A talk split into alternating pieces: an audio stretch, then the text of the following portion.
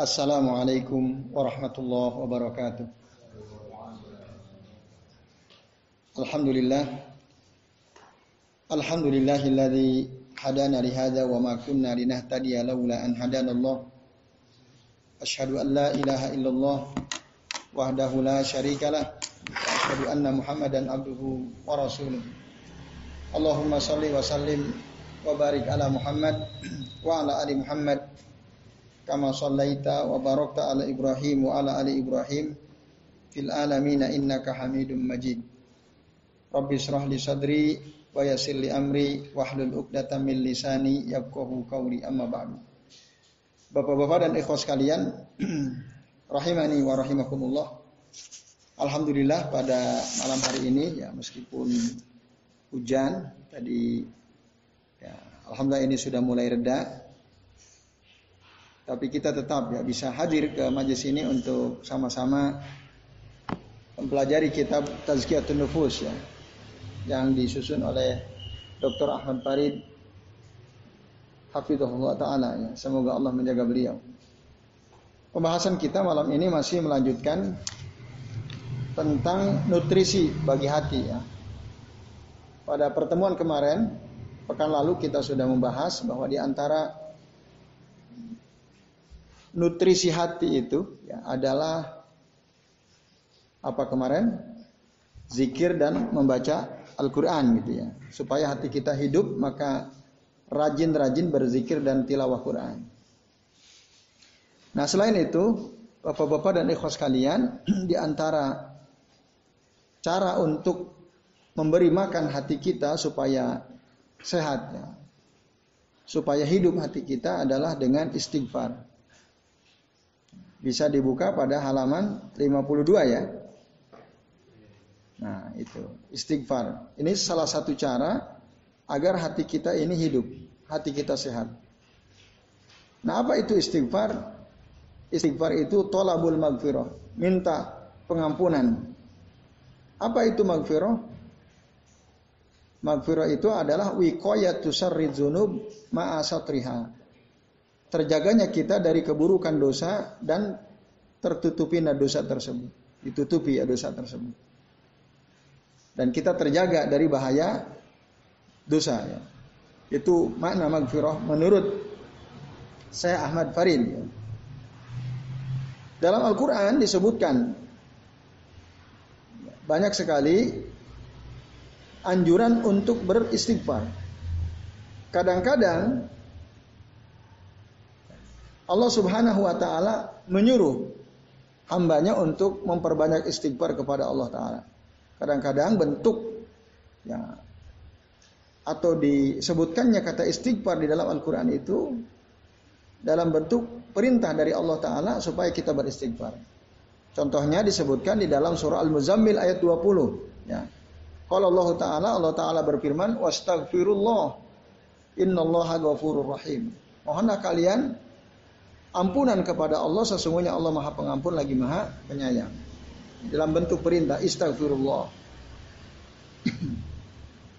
Kadang-kadang Allah Subhanahu wa taala memuji pelakunya atau orang yang beristighfar. Dipuji oleh Allah taala seperti yang bisa kita temukan di dalam Al-Qur'an surah Az-Zariyat. Mulai dari ayat 15 sampai ayat 18 ya. Walaupun di kitab barangkali hanya disebutkan satu ayat. Nah, supaya utuh konteksnya, maka ayat 17 surah Ali Imran itu harus kita lihat pada dua ayat sebelumnya. Atau tiga ayat sebelumnya bahkan. Nah, jadi dalam surah Az-Zariyat Allah Subhanahu wa taala berfirman, "Innal muttaqina fi jannati wa uyun." Akhidina ma atahum rabbuhum innahum kanu qabla dzalika muhsinin kanu qalilan minal laili ma yahja'un wa bil asharihum yastaghfirun. Nah, ini sifat orang muttaqin ya, orang-orang bertakwa. Jadi orang yang bertakwa itu di antaranya adalah ya, kalau malam jarang mereka ya, tidur. Jadi waktu malamnya tidak dihabiskan untuk tidur. Dan di waktu sahur, di sepertiga malam terakhir, mereka beristighfar. Banyak beristighfar memohon ampun kepada Allah Subhanahu wa taala. Nah, itulah sifat orang muttaqin.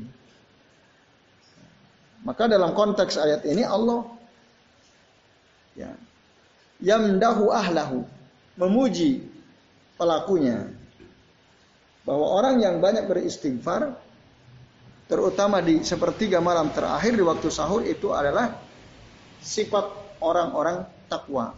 Ya. Kadang-kadang disebutkan juga kalimat istighfar di dalam Al-Quran ya, bahwasanya Allah Ta'ala akan mengampuni siapa saja yang memohon ampun kepadanya. Allah menyebutkan bahwa Allah akan mengampuni siapa saja orang yang memohon ampun kepadanya. Seperti bisa kita lihat di dalam surah An-Nisa ayat 110 ya. Surah apa? An-Nisa ayat 110. Wa may ya'mal su'an aw yazlim nafsahu. Barang siapa yang berbuat buruk melakukan kejahatan au yazlim nafsahu atau dia berbuat zalim kepada dirinya sendiri summa yastaghfirillah kemudian dia memohon ampun beristighfar kepada Allah taala yajidillaha ghafurur rahima. Maka dia akan mendapatkan Allah itu sebagai zat yang maha pengampun lagi maha penyayang. Dan banyak ya, dalam Al-Quran itu kata istighfar ya, dikaitkan dengan taubat. Sementara pada tiga ayat yang kita tadi sudah sebutkan itu istighfar tidak dikaitkan dengan taubat. Tapi ada ayat-ayat yang dikaitkan gitu. Dengan taubat. Nah, maka maknanya jika Al-Qur'an digandengkan dengan kata at-taubah makna istighfar dalam konteks itu adalah memohon ampunan secara lisan itu istighfar memohon ampunan secara li, lisan. Sementara taubat itu adalah meninggalkan perbuatan dosa. Ya. Baik dengan hati maupun dengan anggota tubuh yang lain. Bil jawari. Itu kata saya Ahmad Farid ya. Bedanya makna taubah dengan istighfar. Jika disebutkan ber, bersamaan. Di dalam hadis yang sama atau ayat yang sama. Ini bapak-bapak dan ikhwas sekalian ya azan ya Allah wa iyyakum ajmain. Nah, sementara taubat tadi ya, al-iqla' anid dzunubi bil qalbi wal jawarih. Menjauhkan diri dari dosa-dosa baik dengan hati maupun dengan anggota tubuh yang lain. Nah, sementara kalau istighfar berarti secara lisan dia mengucapkan ya ya Allah ampunilah dosaku dalam bahasa Indonesia atau dalam bahasa Arab Allahumma gfirli Ya Allah ampunilah aku. Nah ini. Kemudian hukum istighfar itu sama seperti doa. Hukumnya, apakah Allah terima otomatis atau tidak? Nah. Wa hukmul istighfari ka hukmi du'a fa insyaallahu ajabahu wa ghafara li sahibi. Hukum apakah istighfar kita ini diterima oleh Allah atau tidak sama seperti doa. Kalau Allah menghendaki istighfar kita diijabah, Allah akan ampuni dia. Orang yang beristighfar. Itu apalagi jika istighfar itu terucap dari orang yang hatinya ya hatinya menyesal, penuh penyesalan karena perbuatan dosa itu satu dan di saat yang mustajab dia betul-betul menyesal, bahkan mungkin dia berdoa sambil menangis, menangisi perbuatan dosa yang pernah lakukannya. Nah, dan dilakukan hal tersebut pada waktu yang mustajab. Kalau di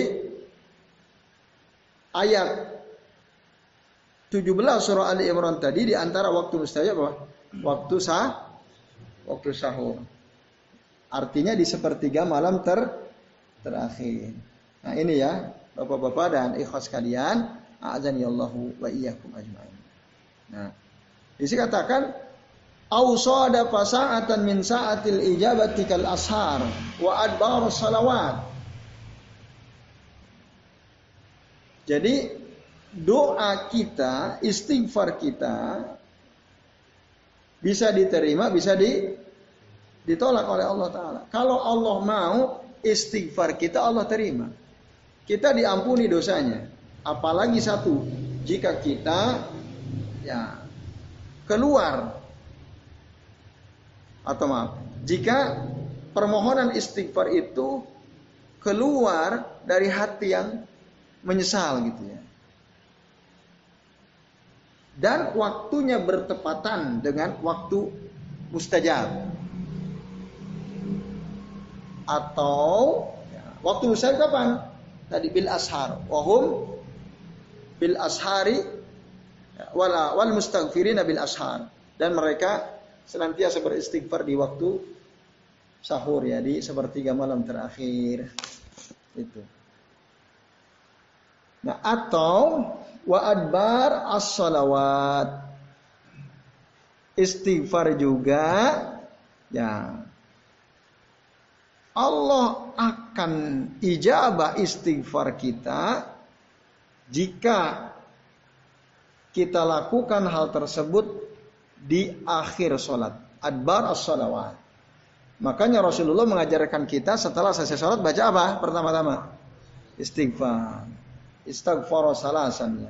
Mengucapkan istighfar sebanyak tiga tiga kali astagfirullah astagfirullah astagfirullah itu waktu ter, waktu baik makanya Rasul mengajarkan. Kemudian Lukman,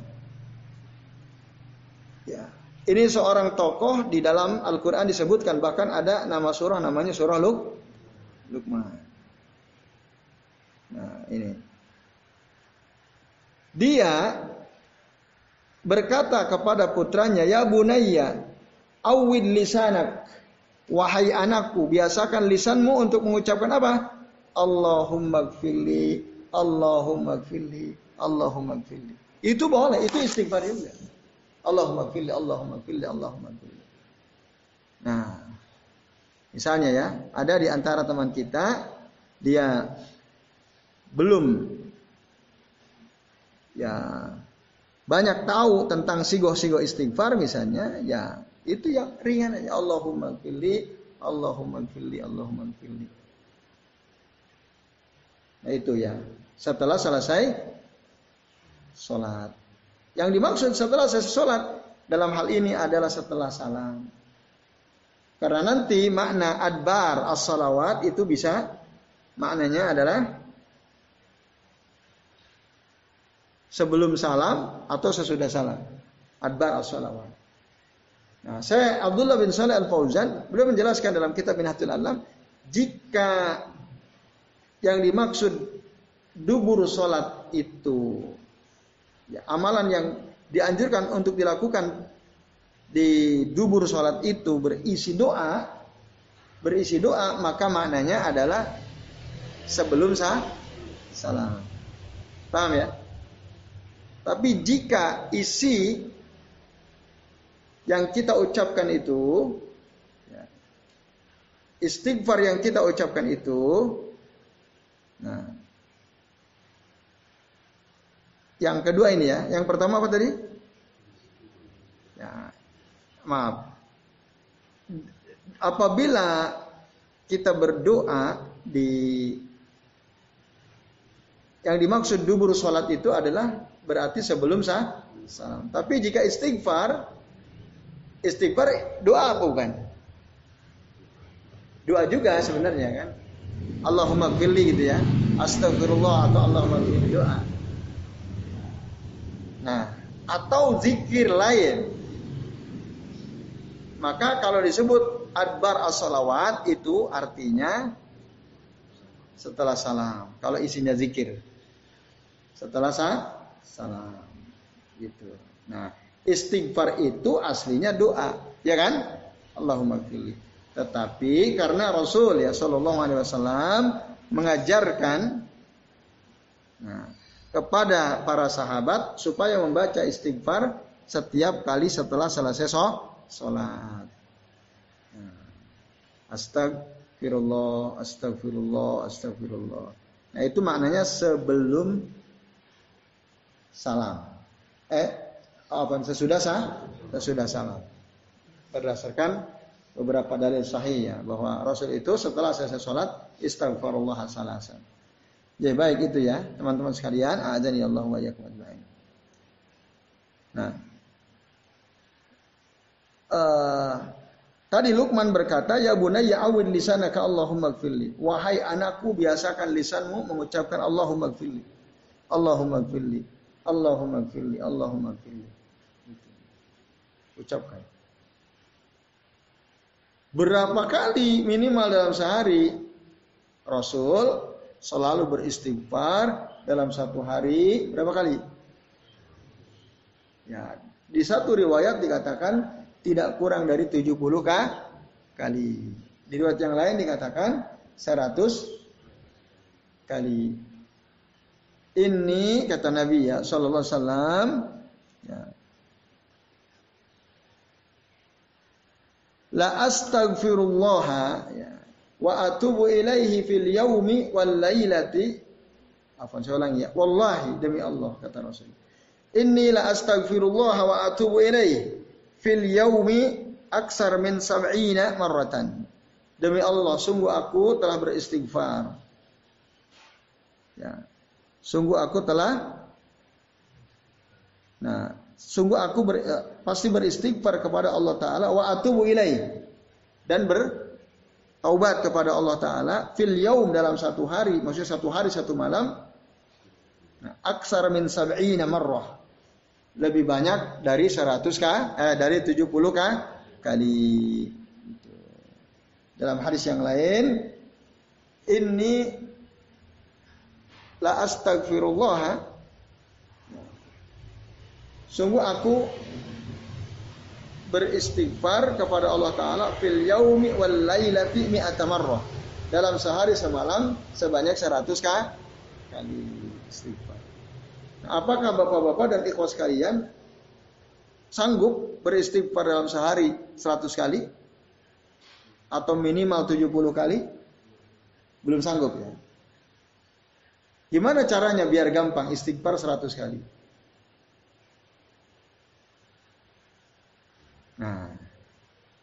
Biar gampang tentu pakai alat bantu ya, pakai alat ban bantu. Kalau enggak pakai jari jemari juga bisa. Ini alat bantu utama kita jari jemari. Tapi karena lapatnya sama astagfirullah, astagfirullah, astagfirullah. Lupa tadi udah berapa? Ya. Ini kan perangkatnya ini, ruas jari. Maka bolehkah kita kemudian menggunakan alat digital, ya ketika kita astagfirullah ngitung, tek, astagfirullah, tek, astagfirullah, tek, ada informasinya. Istighfar kamu sudah berapa kali kan. Nah, itu bisa. Yang digital. Ada yang manual, cetrek, cetrek, cetrek nanti angka satu, dua, tiga dan seterusnya. Nah dengan itu bapak-bapak dan ikhwas sekalian mempermudah kita dalam beristighfar. Dan para ulama mengatakan nggak ada masalah. Kalau hanya sekedar dijadikan alat ya. Dengan alat tadi. Misalnya biji tasbih atau alat digital. Itu untuk menghitung istighfar kita setiap hari boleh supaya kita bisa ngontrol gitu. Itu nggak ada masalah. Tapi kalau diharuskan harus pakai tasbih harus pakai alat digital khususnya itu nggak ada dasarnya, nggak ada satu keharusan. Nah itu ya. Jadi ya, istighfar diperbanyak. Ya. Sebagaimana juga Rasul Shallallahu Alaihi Wasallam memperbanyak istighfar minimal 70 kali. Nah itu. Kemudian di sini disebutkan bapak-bapak dan ikhwas kalian, azani Allah wa ajmain, hadis Nabi yang cukup panjang. Bukhari Muslim ya. Dari Abi Hurairah radhiyallahu anhu qal, sami'tu Nabiy sallallahu alaihi wasallam dari Abu Hurairah beliau nah, mana tadi? Dari Abu Hurairah, beliau berkata, "Sami'tu Nabi sallallahu alaihi wasallam, aku pernah mendengar Nabi sallallahu alaihi wasallam qala beliau bersabda, "Inna abdan aznama zamban faqal" Sesungguhnya ada seorang budak yang berbuat dosa. Ya, jelas?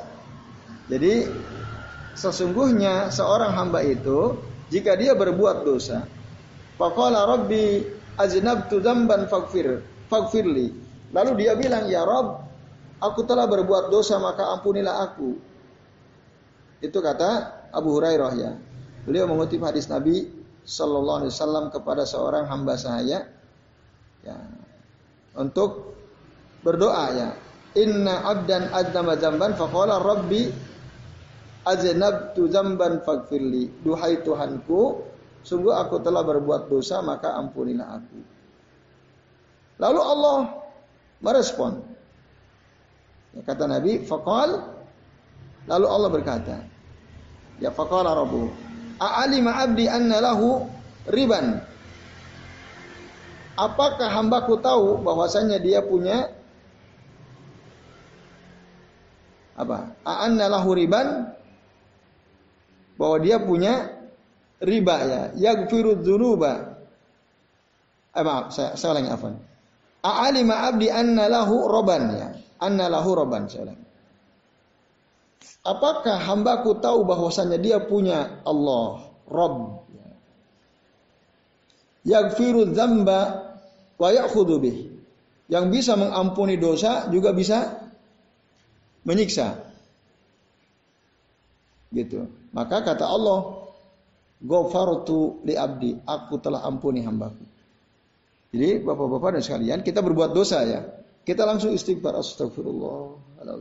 Astagfirullah, astagfirullah. Atau Allahumma gfirli wa tub alayya innaka antat tawwabur rahim. Allahumma gfirli wa tub alayya innaka antat tawwabur rahim. Jadi langsung kita istighfar. Nah, Allah senang tuh. Maka Allah katakan, "A'alima abdi anna lahu rabban yaghfiru yaghfiru dzamba wa ya'khudhu bihi." Apakah hambaku tahu bahwasannya aku ini punya uh, si hamba tadi berkata uh, bahwasannya dia memiliki Rob yang bisa mengampuni dosa dan bisa juga mengazab. Akhirnya Allah ampuni dia, si hamba ini diampuni dosanya. Lalu kemudian summa maka sama Allah summa adzaba dzamban.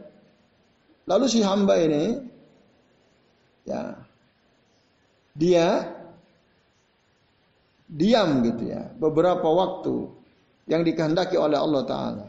Artinya dia tidak berbuat dosa. Ya. Tidak berbuat dosa dalam beberapa waktu. Summa azna bazamban. Eh kemudian dia berbuat dosa lagi gitu kan. Berbuat dosa lagi. Nah setelah itu dia mengatakan Rabbi aznabtu akhar. Ya Tuhanku aku telah berbuat dosa yang lain. Fagfirli ampunilah aku ya Rabb. Lalu Allah pun mengatakan, "A'alima 'abdi anna lahu rabban yaghfiru dzamba wa ya'khudhu bih." Tahukah hambaku bahwasanya dia memiliki ya Rabb Allah, Tuhan yang sang pemelihara ya. Yaghfiru dzamba yang bisa mengampuni dosa wa ya'khudhu dan bisa mengadab disebabkan karena dosa itu. Maka lagi-lagi Allah katakan ghafartu li abdi. Ghafartu li abdi. Aku telah mengampuni dosa hambaku. Lalu beberapa waktu kemudian Ya. Si saudaranya kalau ini ya. Oh maaf, dia, orang yang sama maaf, orang yang sama. Setelah beberapa hari kemudian dia berbuat dosa lagi. Berbuat dosa, dosa lagi.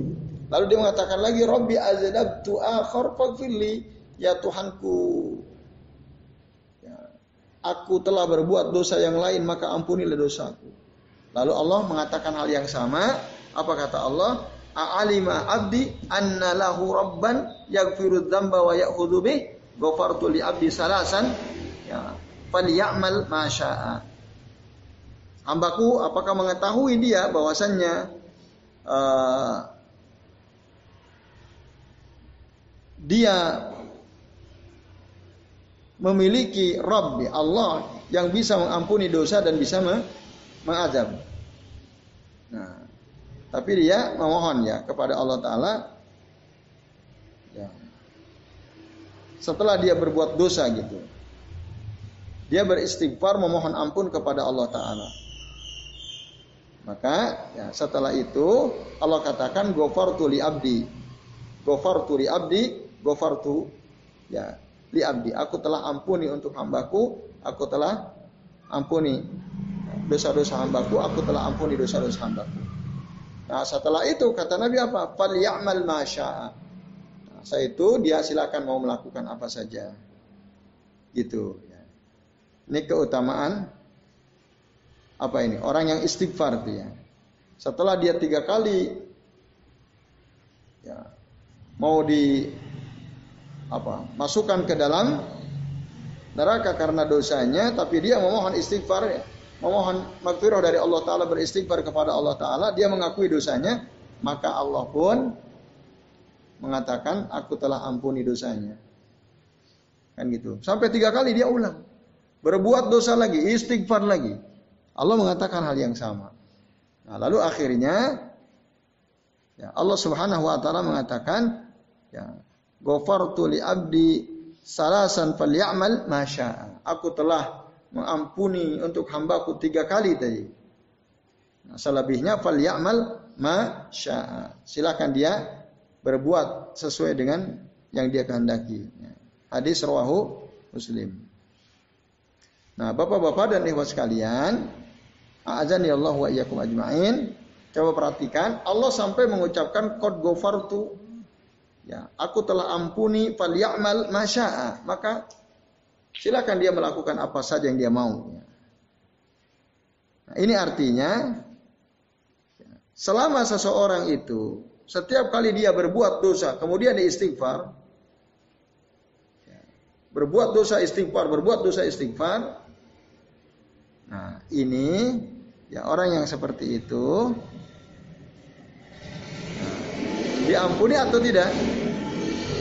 Diam, diampuni tadi ya. Aku telah ampuni dia untuk hambaku tadi. Ini ya bapak-bapak dan ikhwas sekalian, azan ya Allah wa Jadi itu.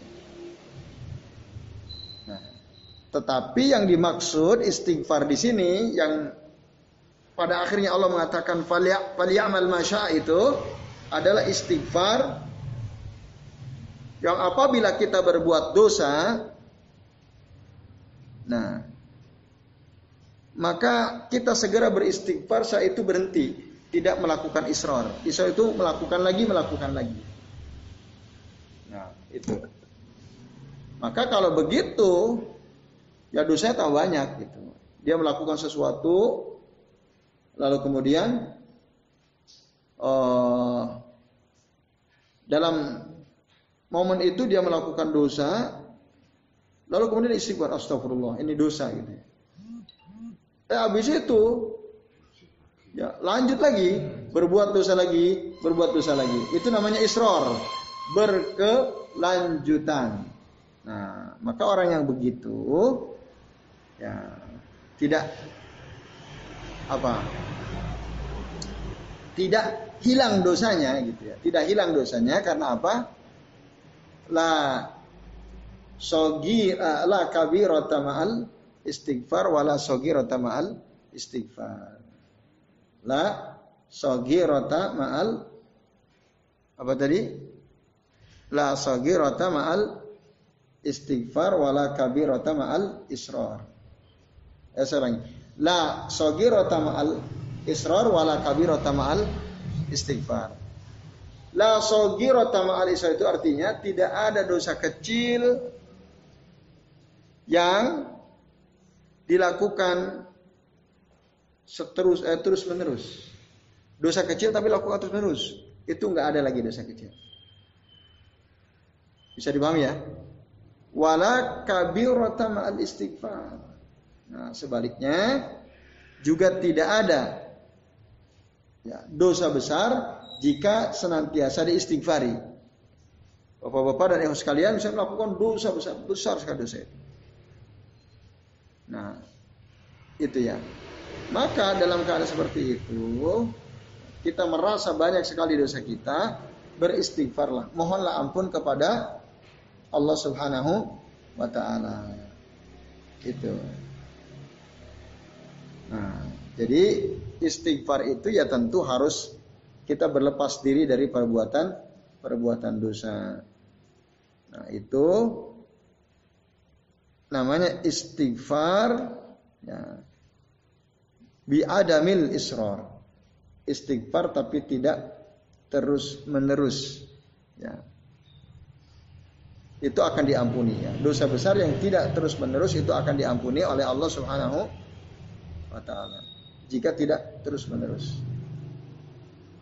Ya, saya kira ini ya bi adamil israr. Jadi tak tidak terus menerus.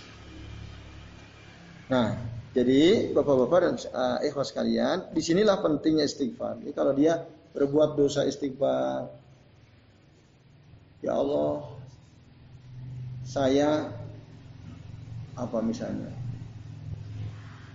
merasa punya dosa apa begitu ya. Lalu kita fokus pada perbuatan dosa yang pernah kita lakukan, kemudian kita istighfar. Ya Allah, duhai Tuhanku, Allahumma firli misalnya, ya Allah ampunilah dosa dosa-dosaku. Dia mengucapkan itu, mengucapkan istighfar tadi, nah maka itu bisa menjadi pengampun dosa begitu. Apalagi kalau dia betul-betul hadir hatinya, ikhlas dalam beristighfar dan dia betul meninggalkan ya uh, hal-hal yang bisa merusak dirinya. Nah ini bapak-bapak dan ikhlas kalian, adan ya Allah wa ajma'in. Lalu kemudian Aisyah radhiyallahu anha, beliau pernah mengatakan, "Tuba liman wajada fi sahifatihi istighfaran katsira." Beruntunglah orang yang di belakang apa ini? Beruntunglah liman wajada fi sahifatihi istighfaran kasira. Nah, jadi beruntunglah orang yang mendapatkan istighfar yang banyak gitu ya. Nah, itu jelas ya. Kemudian kota ada berkata seorang ulama tabi'in yang mengatakan inna hadzal Qur'an Yadullukum ala da'ikum wa dawaikum. Sesungguhnya Al-Quran ini menunjukkan kalian akan penyakit dan obatnya. Jadi dalam Al-Quran itu ada ayat-ayat yang menunjukkan kepada kita ya, Saya ulangi ya. Jadi dalam Al-Quran itu, Al-Quran menunjukkan kepada kita ada ayat-ayat yang menerangkan bahwa perbuatan dosa itu adalah penyakit dan obatnya adalah is istighfar. Fa'amma dawa'ukum fadzunub dan adapun dosa-dosa kalian adalah zunub ya dawa maaf wa amma da'ukum dan adapun penyakit kalian adalah adzunub adzunub itu maksud dosa-dosa wa amma dawa'ukum fal istighfar. Nah, sementara obat Ya, untuk kalian karena perbuatan dosa tadi adalah beris beristighfar, istighfar. Nah. Kemudian Bapak-bapak dan ikhlas kalian, azan ya Allah wa ajmain. Di bagian terakhir, kalau di kitab terjemah barangkali tidak ada ya. Kalau di kitab teks aslinya ada. Qala Ali karamallahu wajha. Pernah dengar nggak Bapak-bapak? Qala Ali karamallahu wajha. Ali ibnu Abi Talib karamallahu wajah. Pernah dengar? Karamallahu wajah. Belum pernah dengar ya? Yang dengar apa? Kalau Ali bin Abi Talib yang sering dengar apa biasanya? Atau nama sahabat lain ya? Nama sahabat lain tidak harus Ali misalnya. Gimana pas kita mendengar nama mereka atau menyebut nama mereka? Gimana Bapak-bapak? Hah? Nah, betul. Yang ada dalam Al-Quran adalah ucapan radhiyallahu anhu. Radhiyallahu anhu. Allah, semoga Allah meridai mereka. Itu kalau yang benar-benar. Ya. Eh, maks maksudnya yang disebutkan di dalam dalil ya dalam Al-Quran. Tapi ada kalimat yang sering kita dapatkan di kitab-kitab lain ya. Itu kata karramallahu wajha dianggap sesuatu yang apa? Berlebihan gitu ya. Karamallahu wajha. Tetapi dalam kitab ini Syekh Ahmad Farid mengatakan ya, penyebutan Ali karamallahu wajha itu hikmahnya adalah apa? Kok gelar tersebut disematkan kepada Ali ya karamallahu wajha. Semoga Allah memuliakan wajahnya. Nah, menurut keterangan dari Syekh Ahmad Farid, penyebutan kata karamallahu wajha fi haqqi Ali ibn Abi Thalib duna ya. Ah, saya ulangi tadi. Penyebutan kata karamallahu wajha fi haqqi Ali ibn Abi Thalib duna ghairihi selain yang yang lain enggak gitu ya. Kan ada ada banyak sahabat Abu Bakar, Umar, Utsman, Khalid bin Walid, ada Muawiyah bin Abi Sufyan, ada Hasan, ada Husain, ada Yazid, ada Zaid. Oh banyak sekali ada Abu Jaham, ada Muawiyah dan seterusnya. Nah, tapi kata karamallahu wajah itu hanya disebutkan setelah kita menyebut nama Ali. Itu apa hikmahnya? Hikmahnya adalah karena Ali bin Abi Thalib adalah di antara para sahabat. Ya.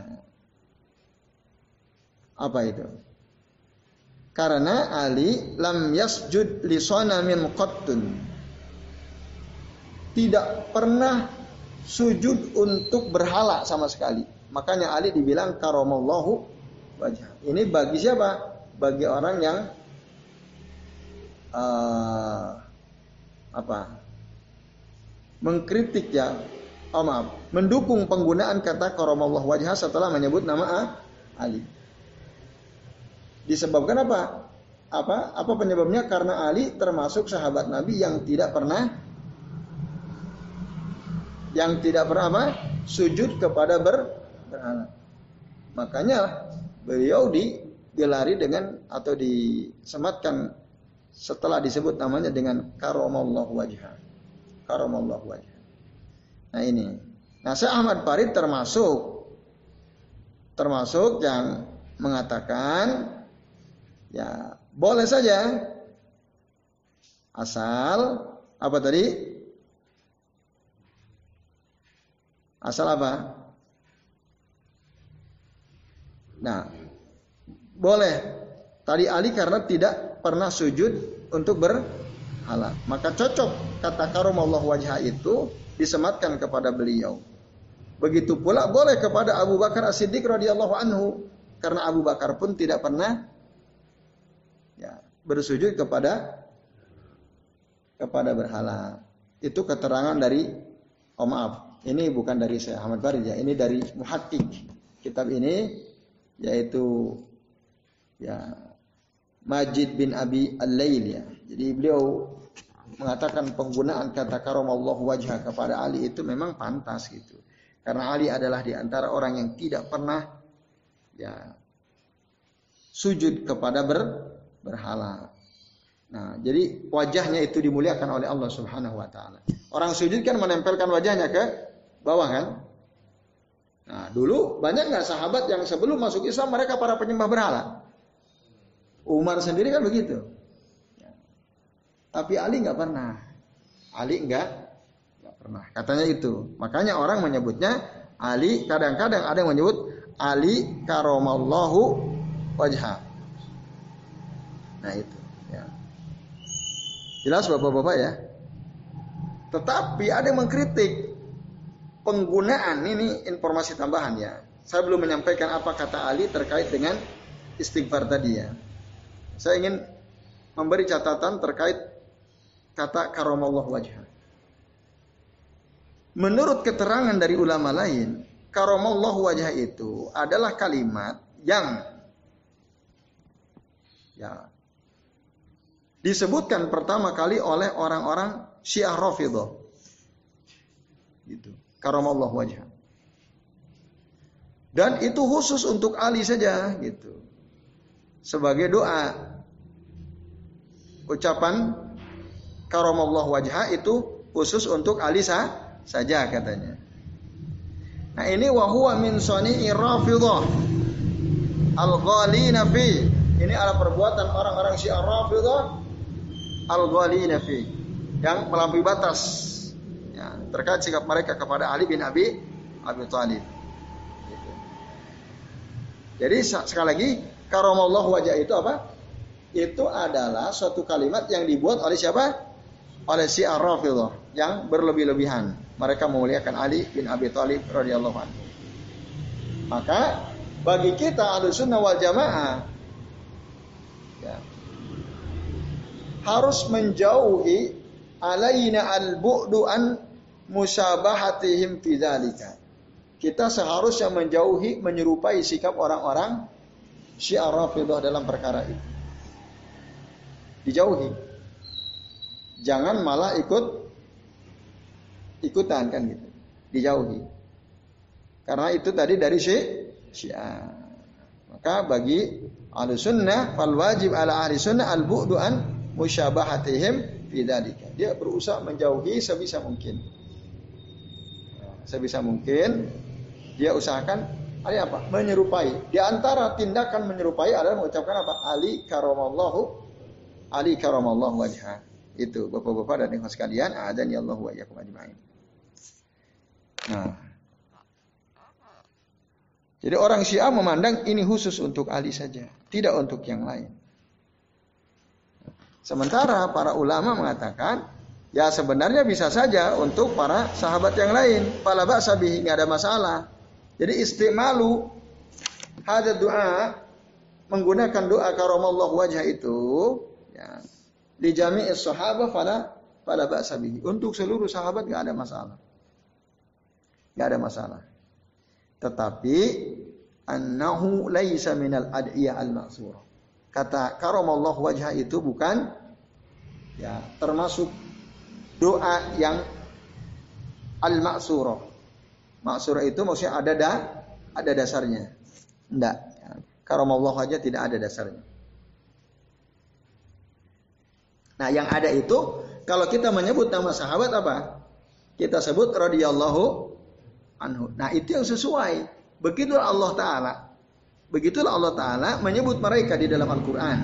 Misalnya kita bisa buka dalam surah At-Taubah ayat 100. Nah, ayat 100.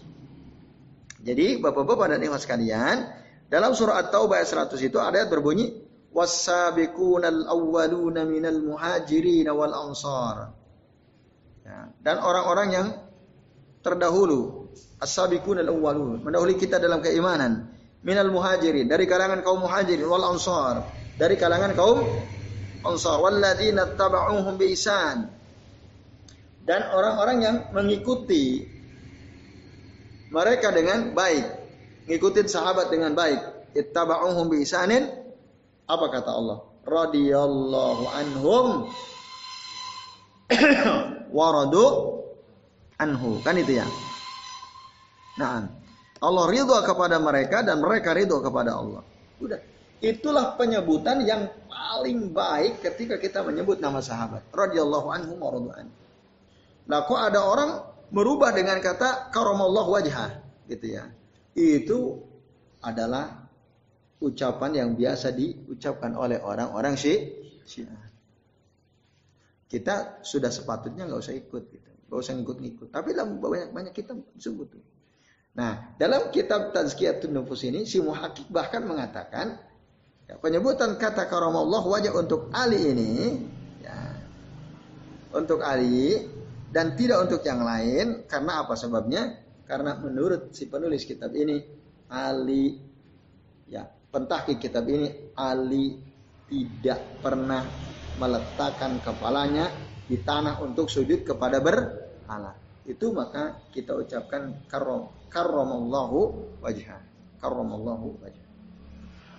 Nah ini dia bapak-bapak dan ibu sekalian, adani Allah wa Saya kira ini penting ya. Jadi ya ada kadang-kadang orang latah Ali bin Abi Thalib karamallahu wajah. Bukan radhiyallahu anhu. Padahal itulah gelar yang Allah berikan untuk mereka. Gitu. Lebih kira-kira lebih lebih mantap mana ya. Uh, apa gelar yang kita buat sendiri ketika kita menyebut nama sahabat atau kita menggelari mereka atau mendoakan mereka sebagaimana yang ada dalam Al-Qur'an. Mana yang lebih bagus? Kita membuat-buat kalimat sendiri untuk memuji sahabat gitu ya atau kita kembali saja kepada Al-Qur'an. Bagaimana Al-Qur'an memuji mereka? Mana yang terbaik? Ya, kembali kepada Al-Quran. Allah wajah itu nggak ada dalam Al-Quran. Bahkan dalam hadis pun tidak ada. Itu hanya apa? Kreativitas orang-orang Syiah Rafidhah. Orang-orang Syiah Rafidhah. Maka tadi sebaiknya kita tidak ikut-ikutan menyebut Ali dengan kita menyematkan kepada Ali dengan doa karomallahu wajah. Karamallahu wajah itu semoga Allah memuliakan wajahnya. Karamallahu wajah. Nah, ini. Pun begitu dalam kitab Dalilul Falihin. Ibnu Allan kalau tidak keliru penulisnya mengatakan ya ini ini ada istilah orang Syiah. Karamallahu wajah. Jadi sebaiknya kita nggak usah gunakan. Udah sebut aja semua sahabat sebut radhiyallahu anhu. Kalau laki-laki perempuan radhiyallahu anha, kalau banyak radhiyallahu anhu. Udah itu. Gak usah buat macam-macam. Ya, dalam Al-Quran aja udah ada kok. Kita malah buat-buat yang baru-baru gitu ya. Yang, nah, apa namanya? Oh kreasi, kreasi baru gitu ya. Nah ini ini nggak bisa gitu ya, nggak bisa. Nah, gitu. Tapi menurut si pentah kitab Tazkiyatun Nufus ini boleh saja gitu.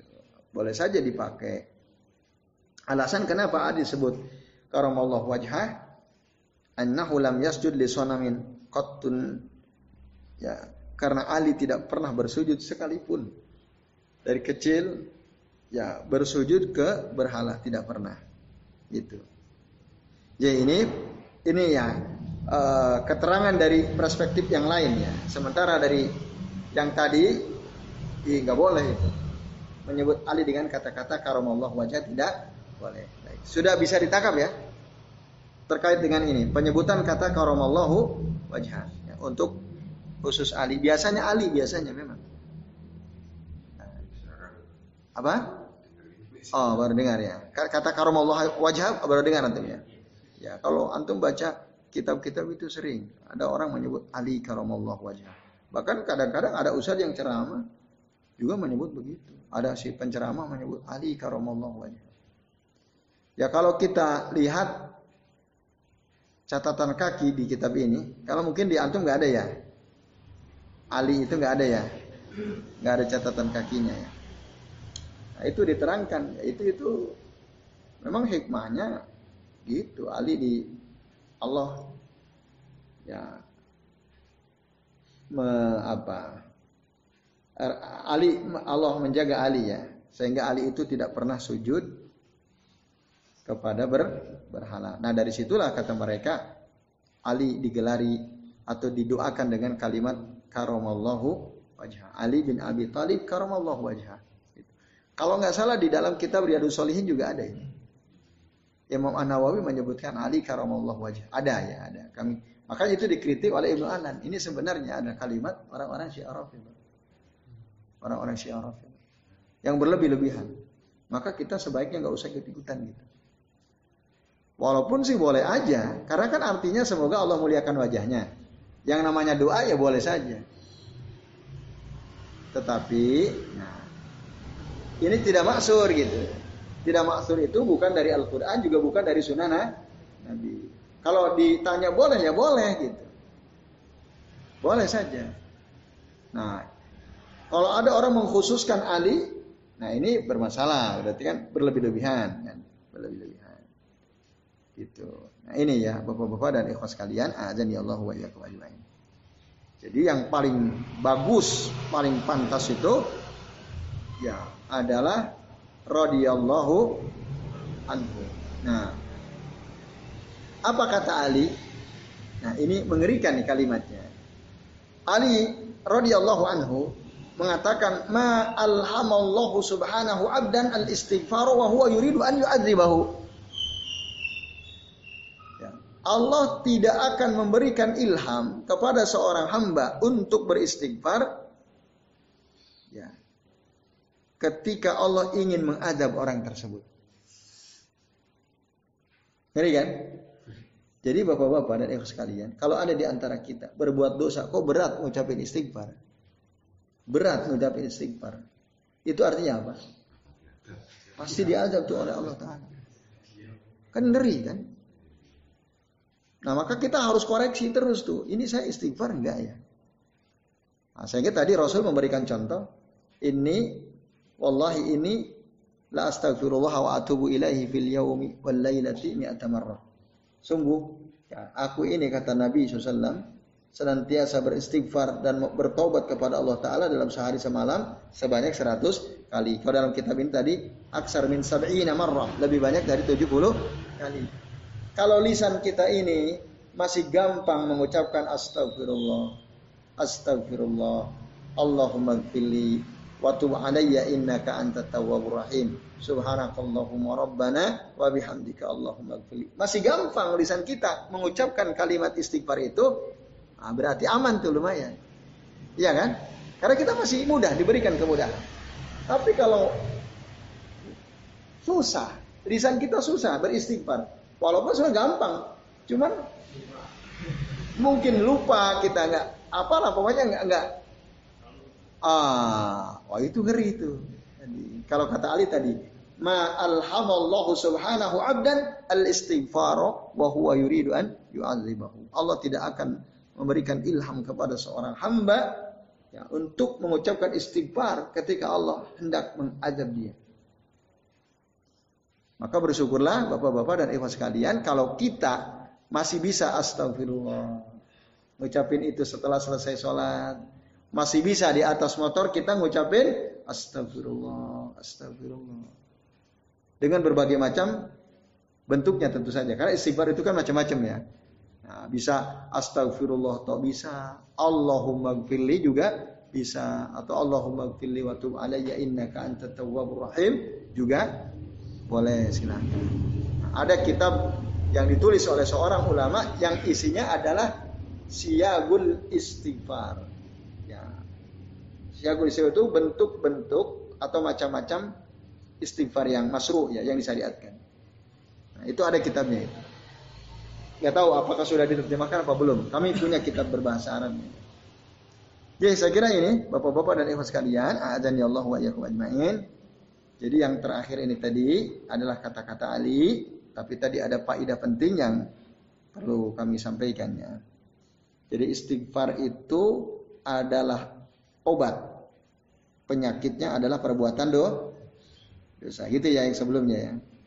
Nah, istighfar adalah obatnya.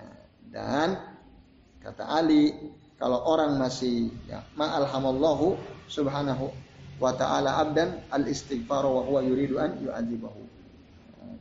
Allah tidak akan memberikan ilham kepada seorang hamba untuk istighfar wa huwa yuridu an yu'adzibahu ketika Allah hendak atau ingin mengadab orang tersebut. Ya saya kira ini sementara teman-teman sekalian, ya Allah wa yakum ajmain ya. Semoga bermanfaat. Nah, selebihnya barangkali sebelum ditutup ada di antara bapak-bapak dan ibu sekalian yang mau bertanya kami persilahkan. Ya silakan. Ini yang kami ini ada dasarnya kan tadi kan tidak berdasarkan sabda Nabi tapi Nabi berkata. Ah. Ya ini ini dasarnya kaulus sahabat, perkataan sahabat. Uh, Dan perkataan sahabat bisa kita jadikan sebagai pegangan. Bahkan ada kitab yang judulnya hikmah dan kata-kata kata-kata hikmah para sahabat. Wah itu ada itu kitabnya. Jadi isinya itu Abu Bakar mengatakan apa apa-apa yang berhikmah. Umar, Utsman, Ali dan seluruh sahabat. Walaupun tidak seluruhnya ya. Nah, tapi di situ dikumpulkan oleh si penulis kata-kata hikmah yang dilontarkan oleh para sahabat Nabi SAW bukan dari Nabi tapi dari sahabat radhiyallahu anhu. Itu disebut asar namanya asarus sahabat. Yaitu asar itu artinya berasal dari para sahabat. Ya, jejak para sahabat itu. Jadi Ali itu yang ngomong, bukan dari Nabi Shallallahu Alaihi Wasallam. Jadi Allah tidak akan apa tadi memberikan ilham kepada seorang hamba untuk beristighfar ketika Allah hendak mengajab hamba tersebut. Masih gampang nggak antum mengucapkan istighfar? Masih gampang ya? Nah, hanya dalam sholat toh atau di luar itu juga antum beristighfar. Ah, ingat masa lalu. Berarti kalau antum masih bisa ingat masa lalu gitu ya, yang mungkin belum paham ya, yang bebas kehidupannya gitu ya. Lalu antum tiba-tiba lisan antum mengucapkan astagfirullah. Nah, itu bagus itu tanda. Tanda bahwa Allah ingin mengampuni dosa kita. Kalau kalau enggak, enggak bisa kita mengucap istighfar, gampang tapi males aja gitu misalnya ya. Nggak penting lah mungkin dianggap nggak penting oleh dia. Nah itu hati-hati itu. Orang kayak gitu itu akan diajar. Jadi itu kalau ikannya Allah masih ada yang lain? Ya silakan. Kalau kita dulu. Ada doa yang sayyidul istighfar ah, rasanya istighfar ah. itu ada anjuran untuk berapa kali atau kapan waktu-waktu yang dibaca ah. itu saja itu ya. ya baik Nah, sayyidul istighfar itu adalah zikir Nabi yang biasa dilakukan oleh Rasul ya sallallahu alaihi wasallam di setiap pagi dan petang. Dan satu kali. Uh, maratan wahidah. Setiap ba'da subuh dan setiap ba'da asar. Ya, Allahumma anta rabbi la ilaha illa anta. Itu ya, la ilaha illa khalaqtani. Allahumma anta rabbi la ilaha illa anta khalaqtani wa ana abduka wa ana ala ahdika wa wa'dika mastata'tu a'udzubika min syarri ma sana'tu abu ulaka bi ni'matika alayya wa abu bi dzambi faghfirli fa innahu la yaghfiru dzunuba illa anta. Itu saya apabila kita mengucapkan itu di pagi hari dengan penuh keyakinan maka jika kita mati sebelum masuk ke waktu sore nah apa kata Nabi SAW? Nah, dia pasti masuk sor surga. Kalau diucapkan di pagi hari. Kalau dia ucapkan di sore hari, mengucapkan tadi doa, eh, saya istighfar tadi dengan penuh keyakinan. Lalu dia mati sebelum masuk ke waktu subuh, maka dia masuk surga. Gitu. Nah, maka kalau kita ingin husul khotimah, ingin mati dalam keadaan baik, jaga itu. Saya istighfar di pagi dan di sore hari. Dan satu kali saja, baca satu kali. Karena itu di antara rangkaian zikir pagi petang. Jadi itu kalau kita. Allah alam Nah. Itu intinya satu hari itu pasti masuk surga ya kita ngamalkan. Iya. Nah, ya, kita yakin gitu. Nah, itu kan penting. Ya, betul-betul yakin gitu ya. Uh, apa yang kita baca tadi dari Sayyidul Istighfar itu ini. Jadi itu, wallahu a'lam bishawab. Silakan.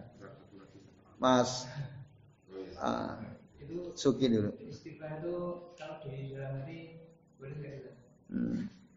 Boleh. Ya, boleh. Tapi seutama-utama zikir itu dalam hati dan lisannya bergerak. Itu yang paling utama. Dalam hati kalau ditanya boleh. Cuma yang terbaik Ya, setiap anggota tubuh kita yang terlibat melakukan satu kebaikan, dia dapat kebaikan.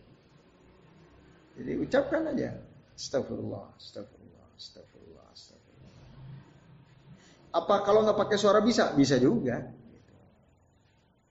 Kalau mungkin nggak ada orang kita bunyiin nggak masalah. Astagfirullah, astagfirullah, astagfirullah. Tapi pas antum lagi makan di warteg, ya istighfar nggak masalah. Cuman jangan astagfirullah, astagfirullah, astagfirullah. Nah, itu.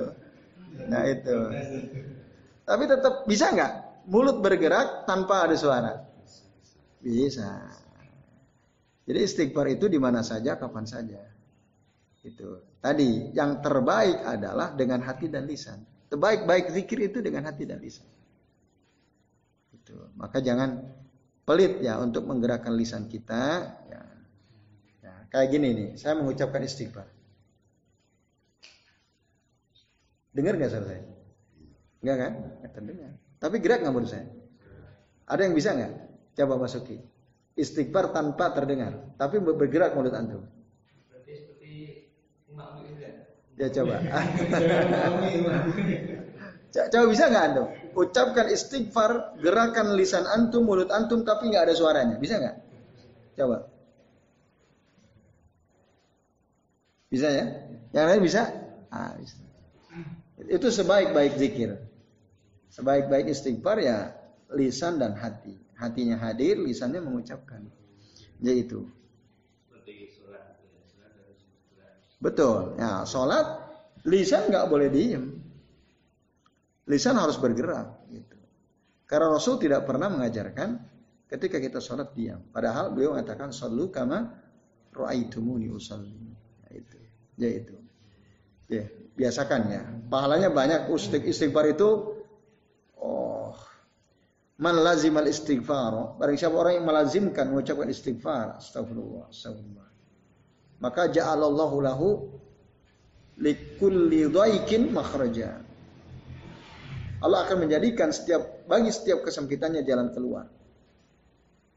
Walikulli hammin wa ja'alallahu lahu likulli hammin faraja.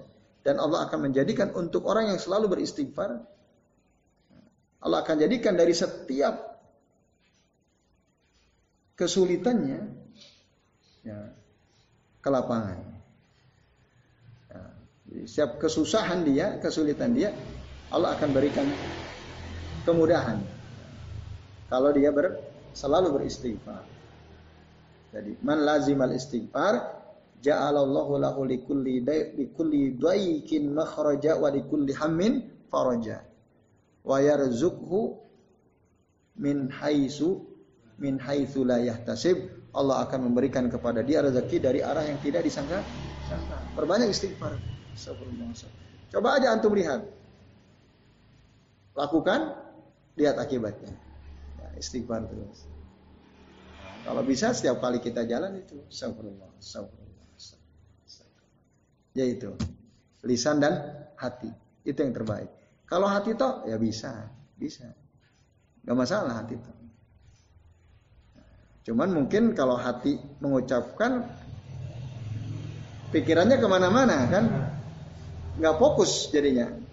Ya, tapi kalau hati hadir, lisan bergerak, kira-kira lebih lebih fokus mana? Orang yang zikir hanya hatinya tok, yang satu lagi zikir hatinya tapi mulutnya juga bergerak. Lebih fokus mana kira-kira? Hmm? lebih bisa fokus yang kedua tentu saja. Yaitu, yaitu tadi kalau antum tanyakan boleh atau tidak tentu saja boleh. Tapi yang terbaik tadi lisan dan hati. Jadi monggo palu kita. Hmm. Ada tiga amalan tadi oh. zikir, terus kemudian istighfar, hmm. kemudian sholawat. Hmm. Itu seharian kita mana yang paling utama? Hmm istighfar dulu atau hmm. atau boleh selang-seling atau hmm. atau gimana? Ya. Zikir, istighfar, solawat. Ya, zikir istighfar itu dekat lah ya, zikir dan istighfar. Karena istighfar bagian daripada zikir juga, walaupun dia lebih spesifik ya. Kalau zikir kan lebih umum, dia ingat kepada Allah Ta'ala, memuji-muji, menyanjung-nyanjung Allah Subhanahu Wa Ta'ala. Ya, subhanallah, subhanallah, subhanallah misalnya. Nah, sementara istighfar kita mohon ampun, astagfirullah, astagfirullah. Salawat, ya. Kita berdoa untuk Rasul. Allahumma salli wa sallim wa barik ala Muhammad. Allahumma salli wa sallim wa barik ala Muhammad. Semua ini diperintah. Zikir ayatnya banyak yang menyuruh kita untuk berzikir. Salah satu antaranya apa? Allah mengatakan, ya, Fazkurullaha kasiro. Berzikirlah kamu banyak-banyak kepada Allah Ta'ala. Ya, dalam surah Al-Jumu'ah itu ya. Fa'idha qudiyatis sholah fantasiru fil ardi wabtagu min fadlillahi wadhkurullaha katsiran la'allakum tuflihun. Apabila sholat sudah ditunaikan nah, apa? Fantasiru fil. Bertebaranlah di atas muka bumi wabtagu min fadlillah. Carilah karunia Allah taala wadhkurullaha katsiran dan banyak-banyaklah kalian zikir kepada Allah kalian semoga kalian ya, Fadkurullah kasiro la'allakum turhamun dirahmati Allah taala atau kalian pasti akan dirahmati Allah Subhanahu wa taala. Itu dalilnya, memperbanyak zikir. Kapan, di mana, berapa kali? Ya nggak ada batasan terserah. Karena ada zikir-zikir mutlak. Zikir mutlak itu nggak dibatasi berapa kalinya, di mananya, kapannya. Seperti apa zikir la ilaha illallah. La haula wa la quwata illa billah. Subhanallah wa bihamdi. Itu zikir mutlak. Kalau saya tulis istighfar, itu muqayyad di zaman. Dia terikat oleh waktu. Gitu. Ada banyak zikir yang mutlak. Kapan saja, di mana saja, berapa kali saja. Itu pun variasinya banyak. Ya tadi subhanallah wa bihamdi subhanallahil azim kan? Dua kata yang ya kalimatani khafifatani fil lisan wa habibatani ila rahman wa fil fil mizan. Ada dua kata kata Nabi ringan di lisan tapi disukai oleh Allah zat yang maha rahman dan bisa menjadi pemberat timbangan amal soleh kita. Apa itu? Subhanallah wa bihamdi subhanallahil azim itu zikir. Salawat disuruh nggak disuruh? Inna Allah wa malaikatahu yusalluna ala nabi ya ayyuhalladzina amanu sallu alaihi wa sallimu taslima. Disuruh. Ini juga mutlak. Salawat itu semakin banyak semakin bagus. Kita bisa baca salawat di mana saja, ya, kapan saja waktunya, berapa saja jumlahnya. Boleh. Allahumma salli wa sallim ala Muhammad. Allahumma salli wa sallim ala Muhammad. Tetapi Rasul SAW mengajarkan kepada kita membaca salat minimal minimal. Dalam sehari itu 20 kali. 10 kali di pagi hari 10 kali di petang hari di, belum ditambah ketika sholat ya tasyahud itu jadi ya lumayan baca sholat semakin banyak semakin bagus Nah, dalam kitab Jala'ul Afham karya Ibnu Qayyim Al-Jauziyah saya sebutkan fadilah keutamaan orang yang banyak membaca sholawat kepada Nabi Shallallahu Alaihi Wasallam. Yang ketiga apa tadi? Istighfar.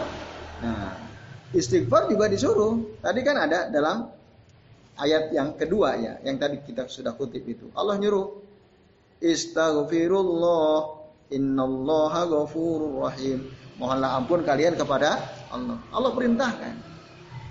Gitu. Nah ini bapak-bapak dan yang sekalian. Lalu bagaimana prakteknya? Istighfar itu mutlak termasuk kapan saja, boleh di mana saja, boleh berapa kali saja, boleh asal kalau mbak ada sholat itu cukup tiga kali. Di luar itu terserah. Abah boleh kita baca semua? Boleh. Itu lebih utama. Selang-seling. Misalnya kita zikir naik motor. Palu kita mau ke mana? Ah, misalnya Palu Palu kita mau ke apa? Ke balai kota lah misalnya jalan ya dari sini naik motor. Ya, misalnya bosan. Subhanallah bihamdi, subhanallah bihamdi, subhanallah bihamdi, subhanallah bihamdi. Bosan ganti. La ilaha illallah, la ilaha illallah, la ilaha. Bosan lagi. La haula wa la quwata illa billah. La haula wa la quwata illa billah. Khususnya. Bosan. Ya istighfar astagfirullah, astagfirullah, astagfirullah. Nah itu. Jadi selang-seling boleh, tidak ada masalah. Dengan zikir-zikir mut, mutlak dan istighfar termasuk mutlak, termasuk satu lagi apa tadi? Apa? Salawat kepada Nabi pun itu mutlak ya. Kapan saja, berapa saja boleh. Kecuali dalam konteks yang memang Rasul sudah membatasi ya. Nah, itu baru kita ikut sunnah. Ya itu baru kita. Allahu a'lam Ya, silakan. Yang apa istighfar setelah salam itu tiga kali. Hmm. Itu maka tidak hanya apa mengistighfari sholat kita saja. Hmm. Ya. Yang pertama, kenapa Rasul mengajarkan kita untuk mengucapkan istighfar ketika setelah selesai sholat? Kenapa? Para ulama mengatakan seperti yang dikutip oleh Syekh Abdullah bin Saleh Al Fauzan ya dalam kitab beliau Minhatul Alam uh, karena kita ini ya pada umumnya sholatnya itu nggak sempurna. Kita sering melakukan taksir. Taksir itu ya seadanya lah, nggak sungguh-sungguh. Yang penting tertunaikan, selesaikan gitu. Ya. Atau mungkin juga kita nggak husu dalam sholat kan. Ya kalau gerakan sih gerakan sholat kelihatan tenang juga kelihatan. Toh pikirannya ke mana-mana kan? Ya nggak usah. Ya kan? Kita sering begitu toh. Sering banget kita. Saya kira semua orang begitu banyak. Itu kan tidak sesuai dengan yang seharusnya. Gitu. Nah oleh karenanya kita dicontohkan oleh Nabi istighfar. Mohon ampun tuh sama Allah. Karena sholat kita nggak husu dan Itu. Itu yang paling utama. Nah apakah itu juga termasuk akan menjadi sebab diampuninya dosa-dosa kita yang lain, gitu ya, perbuatan dosa kita yang lain. Mungkin juga, gitu, mungkin juga. Nah, tapi yang paling pokok itu kan, tadi sholat kita yang tidak sempurna itu. Nah, maka kalau kita ingin supaya dosa-dosa kita yang lain juga terampuni, ya kita istighfar lagi aja. Tapi nanti di luar zikir pada sholat itu tunaikan dulu, tuntaskan, selesai. Nah, udah nanti kita masih duduk di masjid, lanjut aja. Astagfirullah, astagfirullah, seratus kali. Sanggup nggak seratus kali? Nah, nggak pakai modal, tinggal duduk aja kan.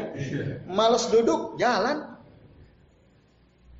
Ya, di jalan malah ngobrol sama orang di rumah, duduk di rumah. Biar lebih fokus, pakai biji tasbih boleh. Pakai hitungan digital yang ditaruh di jari boleh. Atau yang ceklet, ceklet, ceklet ya boleh. Itu hanya dijadikan sebagai alat saja. Biar fokus udah berapa kali sih kan gitu. Karena sering belandang gitu kalau pakai ini kadang-kadang ih tadi udah berapa kali putaran ya kan gitu. Kelihatannya di, di pas petang juga ada ada, iya. Ada istighfar. Ya. Ya sebenarnya istighfar yang dimaksud di zikir pagi petang itu ya tadi istighfar yang dilakukan oleh Nabi SAW. Bisa juga kita lakukan di saat zikir pagi petang. Itu. Yang seratus kali itu subhanallah wa bihamdi, subhanallah wa bihamdi sekali. Sama la ilaha illallah wahdahu la syarikalah lahul mulku wa lahul hamdu wa huwa ala kulli syai'in qadir agak panjang itu. Itu kalau kita ngitung pakai ini, duh, berapa kali tadi ya? Padahal panjang banget kan? Ya, atau minimal 10 kali. Kalau saya baca di kecil itu, hmm. itu juga ada 100 kali, 100 istighfar 100 kali. Kecil apa? Zikir pagi petang. Iya, zikir pagi petang. Ya itu digabungkan dengan kebiasaan Rasul zikir. Zikir apa istighfar 100 kali, 70 atau sampai lebih lebih dari 70 kali atau 100 kali. Nah, bisa, bisa. Minimal. Lebih dari 70 kali kan. Jadi itu Pak Wikan. Ya cukup ya terus sekalian. Baik Bapak-bapak dan Ibu sekalian, ya Allah wa ajmain. Sementara ini dulu yang bisa kita bahas ya. Semoga bermanfaat. Sebelum waktu saya kembalikan ke Mas Yoyo, saya ucapkan tadi uh, mohon maaf jika ada kesalahan. Wassallallahu ala Muhammadin wa. Wassalamualaikum warahmatullahi wabarakatuh.